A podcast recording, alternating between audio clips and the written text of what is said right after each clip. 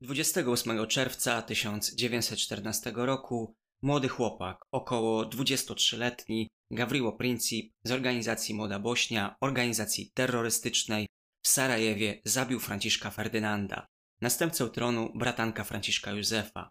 Austro-Węgry wystosowały ultimatum wobec Serbii, która szukała porozumienia, ale nie mogła spełnić wszystkich wymagań.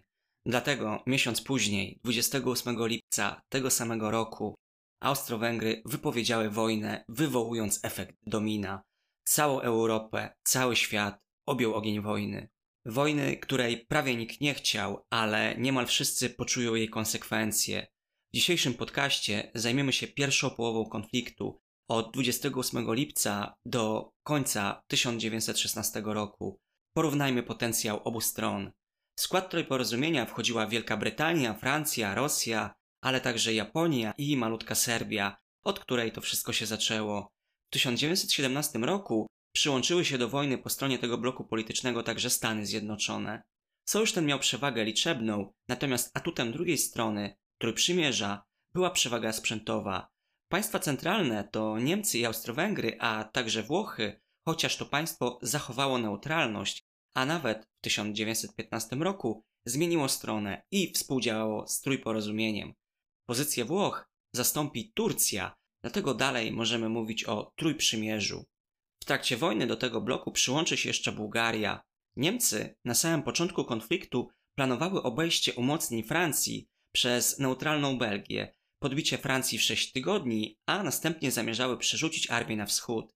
Warunek powodzenia był jeden odcięcie Francji od portów nad Morzem Północnym, by Brytyjczycy nie wspomagali sojusznika. Założenia, o których przed chwilą powiedziałem, nosiły nazwę planu Schlieffena, planu wojny błyskawicznej. Jednak ten plan zawiódł.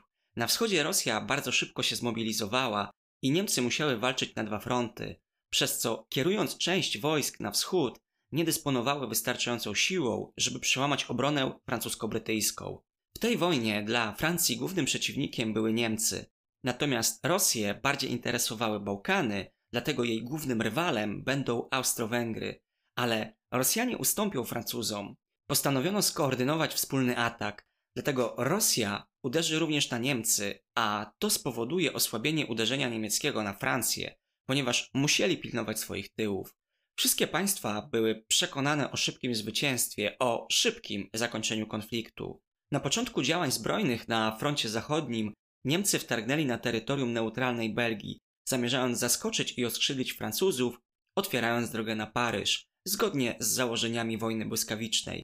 Napotkali silny opór, najpierw Belgów, później Francuzów i Brytyjczyków, ale i tak wtargnęli na terytorium Francji, pomimo iż Niemcy musieli uzupełnić siły na froncie wschodnim wobec zadziwiająco szybkiej mobilizacji i ataku Rosjan, wydawało się, że po wygranej bitwie granicznej nic ich nie zatrzyma. Przełom nastąpił w bitwie nad Marną. Napór niemiecki zatrzymano. Cud nad Marną. Paryż został ocalony. Niemcy zapłaciły cenę za walkę na dwóch frontach. Cesarstwo postanowiło spróbować innej sztuczki. Tym razem skierowało się na północ, pragnąc opanować tereny nadmorskie, odcinając od siebie sojuszników. Ten plan również się nie powiódł. Front przecinający Europę od Szwajcarii po kanał La Manche ustabilizuje się. Żołnierze okopią swoje pozycje. Nastąpi rozbudowa umocnień rozdzielonych ziemią niczyją. Rozpocznie się wojna pozycyjna. Żołnierze walczyli i mieszkali w okopach. Jak wyglądało to życie? Doskwierała im samotność, wilgoć, szczury. Byli otoczeni przez rozkładające się trupy ludzi i koni.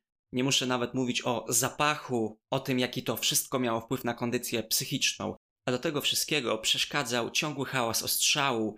Pomimo całej tragedii położenia, zdarzały się momenty wyjątkowe, jak na przykład w trakcie rozejmu bożonarodzeniowego. Żołnierze jednej ze stron zaczęli śpiewać kolendy, po chwili dołączyli do nich nieprzyjaciele. Po jakimś czasie żołnierze obu stron zaczęli wychodzić z okopów, rozmawiać i wymieniać się przedmiotami. Zostaną nawet rozegrane mistrzostwa w piłkę nożną. Wracając do konfliktu, żadna ze stron nie mogła przełamać umocnień przeciwnika, choć obie strony dawały z siebie wszystko. Niemcy, łamiąc konwencje haskie, zastosowali gazy bojowe, broń chemiczną, konkretnie chlor, w bitwie pod Ypres. W kwietniu 1915 Francuzi musieli zmierzyć się z żółtą chmurą, pachnącą ananasem i pieprzem. Gaz doprowadzał do powolnej śmierci przez uduszenie. Francuzi uciekli z zajmowanych pozycji, ale Niemcom nie udało się rozstrzygnąć bitwy. W kolejnych latach wszystkie strony będą używać tego typu broni. Starcia będą długie, krwawe, kosztowne, toczone o pięć ziemi. Wszystkie chwyty będą dozwolone. Na przełomie 1915 i 1916 państwa centralne odnosiły sukcesy na froncie wschodnim i południowym. Dlatego przerzuciły więcej sił na zachód celem przełamania obrony francuskiej. Chcąc przerwać impas, opracowali nową strategię walki wojnę na wyczerpanie. Celem było wykrwawienie Francji przez prowadzenie zmasowanego ataku na niewielki, lecz strategicznie istotny odcinek frontu, niszcząc instalacje, zabijając tylu żołnierzy przeciwnika ile się da i przełamując linię frontów. Tak rozpoczęła się bitwa pod Verdun, trwająca od lutego do grudnia 1916. Obroną kierował Philippe Pétain. Była to najkrwawsza bitwa w tej wojnie, mająca wielkie znaczenie dla Francuzów, będąca symbolem odwagi, nieustępliwości i zwycięstwa. Do dziś we Francji kultywuje się pamięć ofiar piekła Verdun. Trup ścielał się gęsto, lecz Niemcy i tym razem nie osiągnęli sukcesów, ponosząc porównywalne straty. Swoich sił postanowili spróbować Brytyjczycy, rzucając pod Sommą znaczne siły i po raz pierwszy w dziejach nowoczesne jednostki pancerne, czołgi. Efekt inicjatywy ten sam, co i u Niemców. Tymczasem na froncie wschodnim Rosjanie, wywiązując się z zobowiązań sojuszniczych, zaatakowali Prusy Wschodnie. Niemcy, nie dysponujący na tym froncie wystarczającymi siłami, zaczęli się cofać. Dopiero przybycie oddziałów z frontu zachodniego umożliwiło zatrzymanie postępów rosyjskich i przejście do kontrofensywy, zwieńczonej wspaniałym zwycięstwem pod Tannenbergiem, czyli po naszemu pod Grunwaldem. Bitwa, która rozegrała się w sierpniu 1914 roku, była wielkim triumfem Paula von Hindenburga, który za swoje zasługi został mianowany feldmarszałkiem i głównodowodzącym frontu wschodniego, a to nie koniec jego kariery.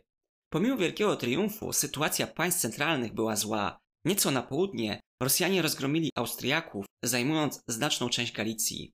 Walki w kolejnym roku, 1916, toczyły się ze zmiennym szczęściem. Dopiero bitwa pod Gorlicami z maja przełamała pozycję Rosjan, zmuszając ich do odwrotu. Państwa centralne rozpoczęły ofensywę, zajmując ziemię Królestwa Polskiego, m.in. Warszawę. Ciężkie walki pod Verdun na zachodzie i straty znacznych terenów zmobilizowały Rosjan do próby ataku. Ofensywa rosyjskiego generała Aleksieja Brusiłowa doprowadziła do zajęcia znacznych obszarów Austro-Węgier.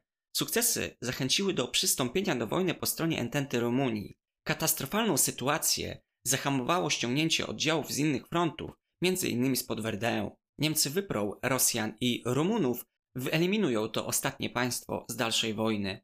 W wyniku ofensywy Brusiłowa Austro-Węgry poniosły tak duże straty, że przestaną samodzielnie prowadzić działania wojenne, będą opierać się na swoim sojuszniku. Także w armii rosyjskiej śmierć zbierze ogromne żniwo. Przeciągające się walki, brak sukcesów powodowały narastanie nastrojów antywojennych i rewolucyjnych w armii carskiej. Na froncie południowym Austro-Węgry poniosły spektakularną porażkę z Serbią. Plan wyrąbania drogi przez Bałkany do sprzymierzonej Turcji został zrealizowany dopiero po ponad roku, dopiero dzięki współpracy niemiecko-austriackiej i ataku Bułgarów Serbia została złamana. W 1915 roku zmieni się wygląd sojuszy. Do Niemiec i Austro-Węgier dołączy Turcja i Bułgaria, Włochy ogłoszą neutralność, by ostatecznie poprzeć państwa ententy. Atakując Austro-Węgry, nie odnieśli znaczących sukcesów, ale odciągną znaczne siły państw centralnych zmuszonych do zabezpieczenia granic. Wobec zaangażowania się Turcji po stronie państw centralnych kontrolującej cieśniny czarnomorskie, dla Francji i Wielkiej Brytanii wezwaniem stała się łączność z Rosją. Brytyjczycy podjęli się realizacji śmiałego planu Winstona Churchilla, w lutym 1915 roku rozpoczęli desant bezpośrednio na tereny otaczające cieśniny niedaleko stolicy. Bitwa pod Gallipoli, mimo zaangażowania znacznych sił, zakończyła się ewakuacją Brytyjczyków. Nie udało się odnieść sukcesu. Próby wyeliminowania Turcji i zdobycia cieśnin nie powiodły się. Państwo to będzie do końca zmagań wojennych angażować znaczne siły brytyjskie. Działania Osmanów mogły bardzo utrudnić życie synom Albionu zagrażając przecięciem komunikacji przez kanał Suezki, czy podejmując akcje zaczepne w kierunku kolonii azjatyckich. Wojna toczyła się na lądach, morzach i oceanach, gdzie Niemcy szybko uświadomili sobie, że nie są w stanie sprostać w regularnych walkach siłom brytyjskim. Państwa zachodnie rozwinęły blokadę morską, odcinając Rzeszę od surowców i kolonii. Dlatego marynarka niemiecka postanowiła postawić na rozwój floty podwodnej i próbować przeciwstawić się blokadzie oraz niszczyć statki z zaopatrzeniem płynące do Wielkiej Brytanii. Pierwsze dwa lata wojny, a już giną miliony. Niemcom nie powiódł się pierwotny plan wojny, plan Schlieffena, został zmodyfikowany i dostosowany do innej niż Schlieffen zakładał sytuacji międzynarodowej, czyli zadziwiająco szybkiego działania Rosjan i konieczności walki na dwóch frontach. Niemcy nie pokonały Francji w sześć tygodni. Cud nad Marną w 1914 roku zastopował zwycięski marsz sił Rzeszy na Paryż. Obie strony podejmowały, użyjmy modnego współcześnie słówka, innowacyjnych inicjatyw w celu przełamania obrony przeciwnika. Niemcy zastosowały gazy bojowe pod Ypres w 1915 roku. Pod Somą w 1916 Brytyjczycy użyli czołgów. Krwawym symbolem wojny stała się bitwa pod Verdun, trwająca od lutego do grudnia 1916 roku, której obroną kierował Philippe Pétain, do dzisiaj zresztą wspominana przez Francuzów. Niemcy pomimo klęskiej koncepcji wojny błyskawicznej i wojny na wyniszczenie odniosą sukcesy na wschodzie. Zwyciężą pod Tannenbergiem w 1914 roku, zajmą tereny Królestwa Polskiego, odepchną ofensywę Brusiłowa i zajmą znaczne tereny okupowane przez Rosję. Tak kończy się rok 1916.